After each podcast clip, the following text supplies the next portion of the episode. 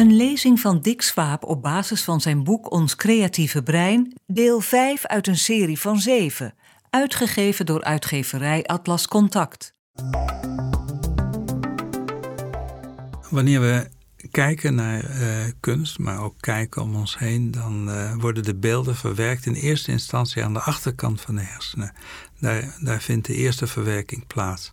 En dan wordt op basis van de eigenschappen van het beeld, wordt het beeld ontleed. Uh, beweging wordt gestuurd naar boven, naar een gebied in de parietale cortex. Daar wordt het verwerkt, maar ook opgeslagen in het geheugen.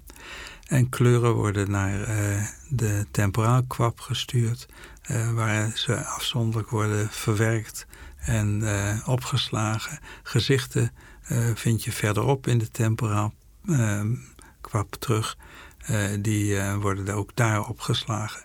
En als je dan vervolgens aan iets denkt wat die eigenschappen heeft van het beeld, dus een bewegend beeld met kleuren en personen erin, dan moet je al die uh, op verschillende plaatsen opgeslagen stukjes informatie moet je weer bij elkaar brengen. En dat noemen we binding. En binding is uh, in de evolutie ook een heel belangrijk uh, eigenschap geweest, omdat je op basis van die binding maar heel weinig informatie nodig hebt om een totaalbeeld te maken. En je kunt dus zien van een afstand aan een heel klein beetje informatie dat een bepaald dier voedsel is en een ander dier gevaar. En die binding gebruik je ook om verhaal te maken van datgene wat je gezien hebt, bijvoorbeeld in de rechtbank.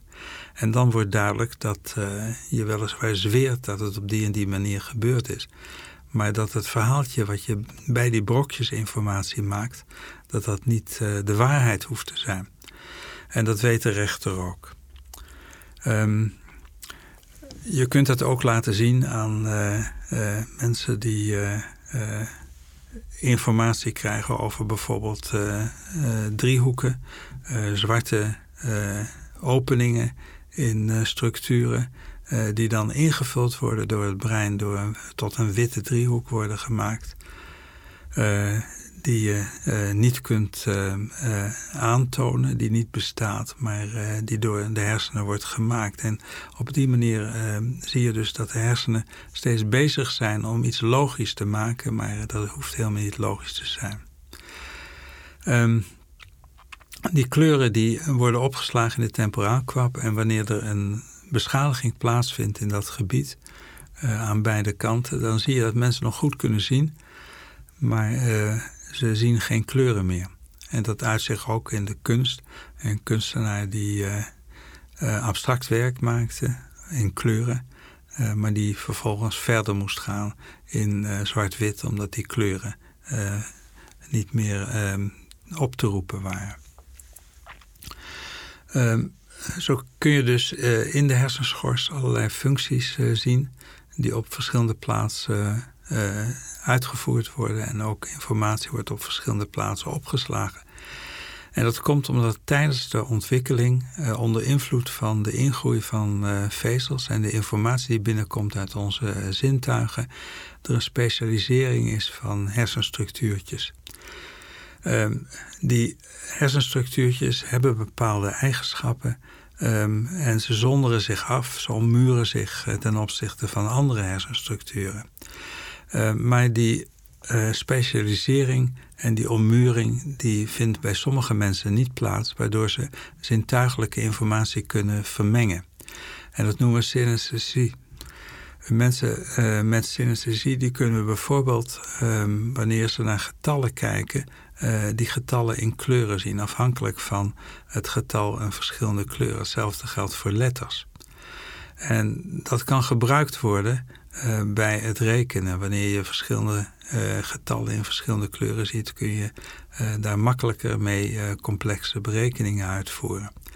Daniel Tammet is zo een persoon die een synesthesie heeft.